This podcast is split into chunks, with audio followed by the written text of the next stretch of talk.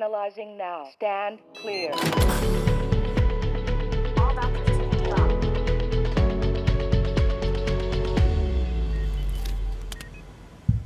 Hallo en welkom op onze nieuwe spoedcast vandaag. Wederom met het grootste deel van ons topteam.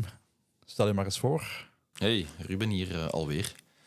En Cedric van Dijk. En mezelf, Pieter Jan. Welkom. Hoho, zeg, waar zou de podcast over gaan vandaag? Geven is aanstekelijk, Pieter. Ja, dus pas er maar mee op. Eh, ja, ongetwijfeld een heel slaapverwekkend onderwerp. Als jij het hebt gekozen. Bedankt. Inderdaad, ja, de, de inspiratie komt niet van mij. Eh, die eh, kwam uiteraard uit eigen ervaringen, maar ook uit een recent gesprek met een van onze collega's, die na een nachtweek toch wel heel moeizaam omgeschakeld geraakte naar een dagritme. Nu, Cedric, Ruben wat minder, maar Cedric, wat zijn jullie ervaringen? Eh, ja, niet steeds gemakkelijk. Eh, zeker nachtweken vind ik moeilijk wel om om te schakelen. 24 uur is iets gemakkelijker. Eh, dat is mijn ervaring. Ik weet niet wat Ruben daarvan denkt. En wat denkt Ruben over de nachtweken? Ik denk inderdaad dat je gewoon een goede tactiek moet hebben om in dat ritme te geraken en om daar ook terug uit te geraken. En, allee, met de juiste tactiek lukt dat wel, maar eh, ik vind wel dat je merkt dat hoe ouder dat je wordt, hoe moeilijker dat, dat wordt. Dat kan ik volledig bevestigen. Eh, interessante ervaringen uiteraard. Hè. Als het oké is voor jullie, leg ik jullie enkele stellingen voor waarop we dieper kunnen ingaan. Alright, shoot. Goed, let's go. Eh, gaan slapen voordat de shift begint. Wat denken jullie? Ja, ik denk een heel goed idee. Ehm, en dat is een aanrader, denk ik, voor iedereen. En het spijtige is een beetje dat dat voor mij niet goed werkt. Ik ben niet iemand dat zo gemakkelijk dutjes doet overdag. En als dat al eens zou gebeuren, dan word ik echt brak wakker. En dus Ja, ja, voor mij is dat ook moeilijk. Dutjes tussenin, dat lukt me gewoon niet zo goed. Nu, ik deed dat vroeger ook niet, maar toen, toen ik nog veel nachten deed, ging ik inderdaad op voorhand wel slapen en dat hielp mij eigenlijk wel. Nu, een onderzoek heeft ook aangetoond dat wanneer je voor de start van je nachtreeks even gaat slapen, dat je eigenlijk duidelijk minder vermoeid bent tijdens de shift. Zelfs een uurtje is al voldoende en dan eigenlijk best tussen twee en vier uur namiddag. Ja. Ehm, Maar voor jullie is dat niet zo. En wat is, wat is slapen dan? Moet je echt slapen, ogen toe, niet meer weten dat je wakker bent? Of is rusten evenwaardig? Ik denk dat je echt diep moet slapen. Hoor. Oké. Je moet echt een, een slaapcyclus gedaan hebben, anders heeft het Ja. geen zin. hè. Ik weet niet of me dat zou lukken.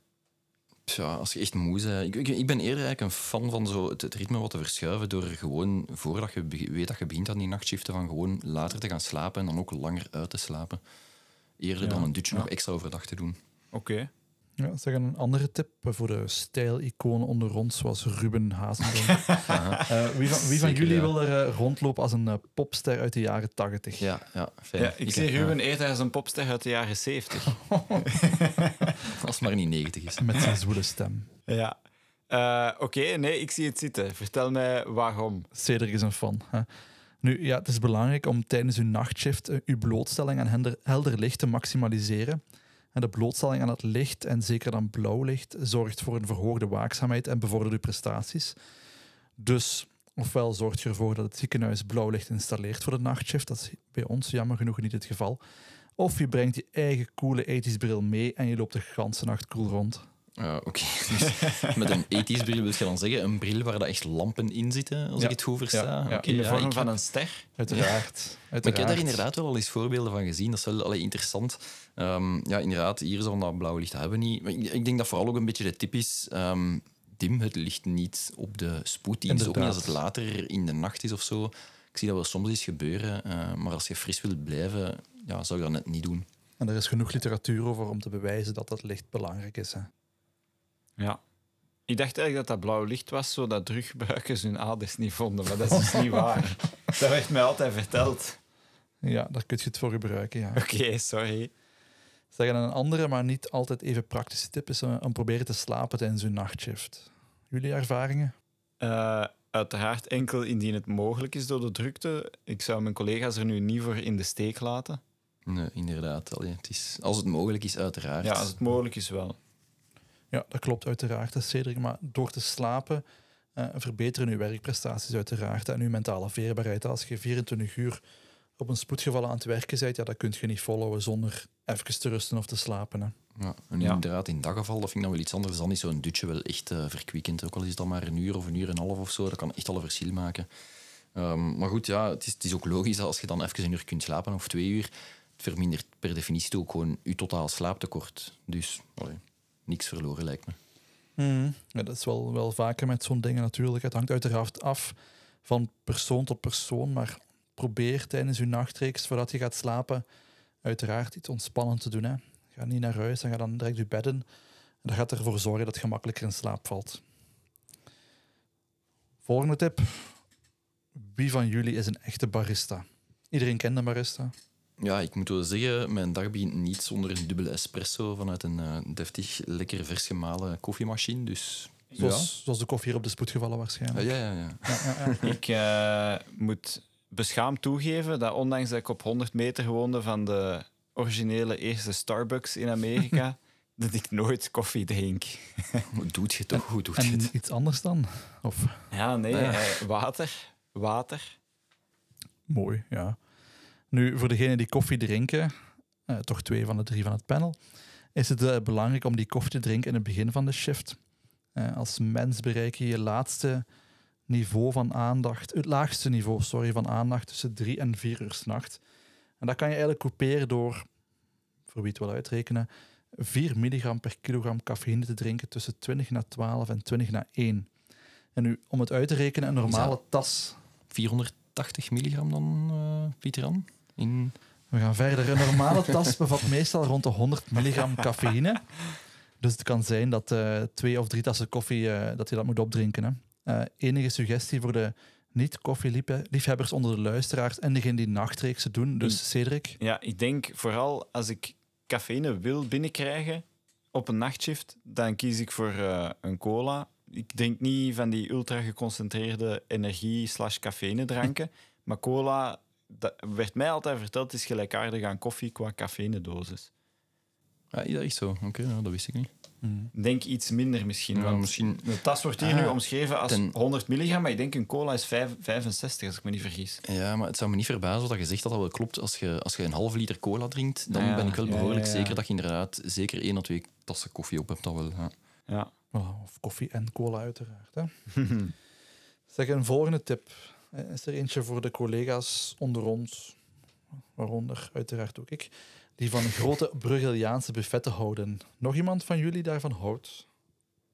Eh, een boterham ja, met choco is ook goed. Veel en lekker eten, ja. ja. Uiteraard. Hoe doesn't uiteraard, like it? Maar niet op de nachtshift op de spoed misschien. Eh, ik denk niet dat ik dan echt voor het Braziliaanse buffet zou gaan. Behalve met nieuwjaar en met kerstmis. Hè. Ja, zelfs dan. Ja, nu, ik houd daar uiteraard wel van. Eh, nu, jammer genoeg is dat een nadeel tijdens de nachtshifts als je dat doet. Eh, je moet net grote maaltijden vermijden, omdat die zorgen voor een grote toename in eh, leptine, ghreline, glucose en insuline. Allemaal zaken die meespelen in je circadiaans ritme. En daarom is het eigenlijk beter om kleine hoeveelheden eten te verspreiden over de nacht en om grote wissels in de niveaus van die, van die stoffen te vermijden en daardoor eigenlijk een mindere verspreiding te krijgen van je circadiaan ritme. Oké, dus beter om wat diabetes te bekomen dan uw nachtritme. eh. nee, nee, maar goed, a- akkoord, ja, op korte termijn dan inderdaad. Ja, ja goed, ik denk ook wat dat belangrijk is, hè, vooral, want we zijn nu ook bezig over de shift zelf. Nadien het terugswitchen, ehm, dat, dat is altijd wel moeilijk. Hè, vooral het in slaap vallen als je dan thuis komt. Ehm, ja, en zeker met eh, het verduisteren van je slaapkamer, daar kun je Want echt... je hebt je huis pas verbouwd, hè? Ja, ja, en daar ook wel rekening mee gehouden. Dat inderdaad, die, die gordijnen moeten echt deftig verduisteren. Allee, het is echt een, een groot verschil als er toch nog zo'n beetje licht binnenvalt overdag. En zeker als het goed weer is en de zon schijnt hard. Allee, Je hebt een indruk dat je kamer relatief donker is, maar allee, ik was vroeger Ja. al sinds een fan ervan om zo nog een extra handdoekje eh, langs de randen van de gordijnen en zo te leggen, om, om echt dat straaltje licht nog wel eh, weg Absoluut. te krijgen. Met de juiste hoeveelheid duct tape en zilveren isolatiefolie van de Gamma heb ik dat ook altijd gedaan als ik eh, nog assistent was. Helaas, mijn huis leent zich momenteel niet zo goed tot het extreem goed blokkeren van licht. En dat is iets waar ik inderdaad wel last van heb na een nachtshift. En ik ben blij dat het hier besproken wordt, want het is echt wel heel belangrijk om zo goed mogelijk te verduisteren. Dat is iets dat ik zeker ook voel. Hè. Ehm, als dat niet lukt, als je een huis hebt gelijk dat van mij, kan je altijd een oogmasker proberen. Eh, moet je natuurlijk kunnen verdragen. Sommige mensen slapen daar niet graag mee. Wat ik persoonlijk een winnaar vind, bijvoorbeeld voor jetlag te overwinnen. En niet standaard, maar wel occasioneel gebruik na nachtweken of, of eh, nachten, is melatonine. Ah, oké. Ik heb daar destijds wel literatuur over gelezen, maar die literatuur is niet helemaal uniform eens over de zin of onzin daarvan. Nu, het heeft wel weinig nevenwerkingen en er is wel van aangetoond dat je sneller in slaap valt en langer slaapt. En zeker bij jetlag is dat voor mij wel een sleutelproduct om zonder jetlag heen en weer te reizen tussen tijdzones. Ah, oké. Ja, als het u helpt, dan helpt het. Hè. Nu, een, een studie uit 2019 waarbij urgentieartsen een monitor droegen om een slaappatroon te meten, eh, toonde logischerwijze aan dat degenen die s'nachts werken overdag geen volledige nacht kunnen slapen. Eh, en eigenlijk hebben ze bekeken en geen enkel systeem, zoals een vaste nacht of roterende shifts, kon dat probleem eigenlijk oplossen. Hmm. Ja, het is eh, inderdaad niet vanzelfsprekend, hè, maar goed, ja, er is altijd wel iemand s'nachts nodig op de spoed. Hè. Ja. Ehm, ik denk nog eventueel als extra tip, eh, zorg ervoor dat je slaapkamer ook echt geen allee, warme oven is. Als het wat koeler is, eh, gaat je ook sneller in slaap kunnen vallen. Ja, en daar kunnen we allemaal van meespreken. Spreek goed af met je gezin dat wanneer je jonge kinderen hebt, ze niet jengelend rond je bed komen hangen om je te knuffelen, terwijl je net nog een stuk moet slapen, hoe schattig ze ook zijn. ja. En sowieso ook ehm, gewoon oorstopjes. eh, lijkt me ook eh, Inderdaad, voor, ja. van Ja. de, voor de hand liggend. Heel vaak mee geslapen. Heel belangrijke tips, waarvoor dank, collega's. Eh, en probeer de blootstelling aan het licht ook zoveel mogelijk te beperken als je naar huis teruggaat. Hè. Vooral helder en artificieel licht, zoals de coole 80s bril of de 70s bril van eh, Ja, die mag je Ruben sowieso vermijden. Ruben Hazendonk, eh, omdat dat net weer uw circadiaans ritme verstoort. Gebruik eventueel donkere of oranje getinte zonnebrillen als je naar huis gaat.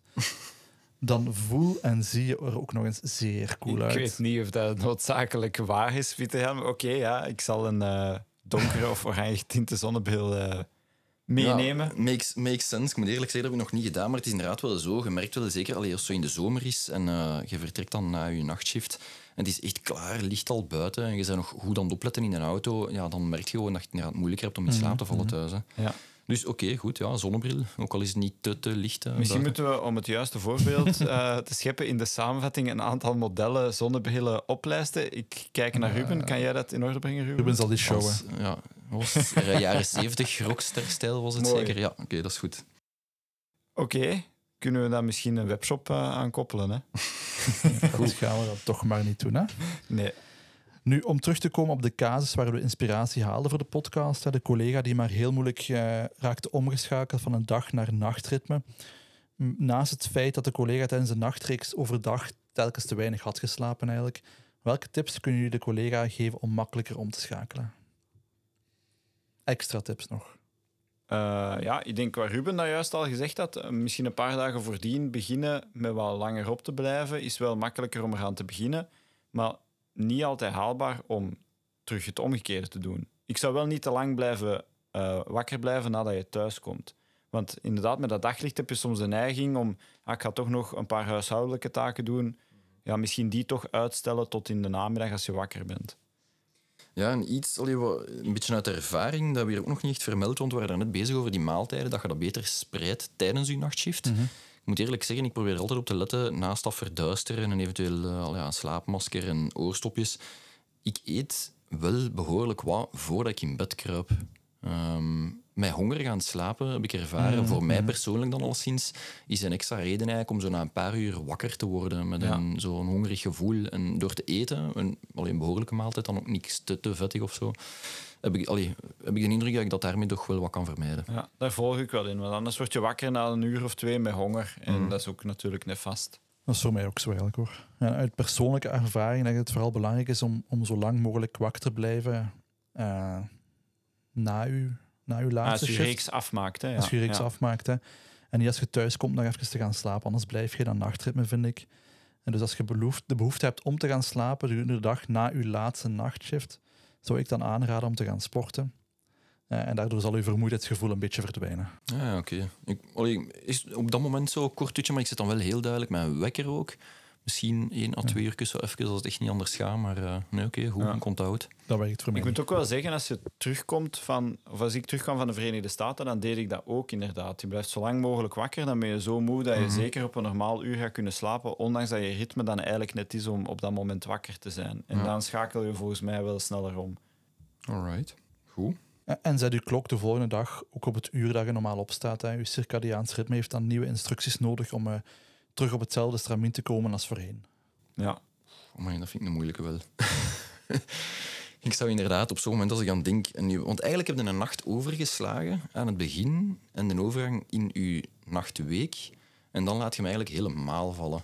Dus Ja. dan ben ik inderdaad wel geneigd om eh, ja, maar ik denk, toch een uurtje langer te blijven ik liggen. denk Maar goed, voor zo'n hard reset, het zegt me wel iets hoor. Ja, nee, dat is waar. Oké, akkoord. Goed. Ja, voor degenen die diensthoofd zijn of die het ambiëren, hou ermee rekening dat wanneer je shiften plant, dat je deze best plant volgens de wijzers van de klok mee en niet tegen de wijzers van de klok in. Eh, misschien wat toelichting, Pieter Jan?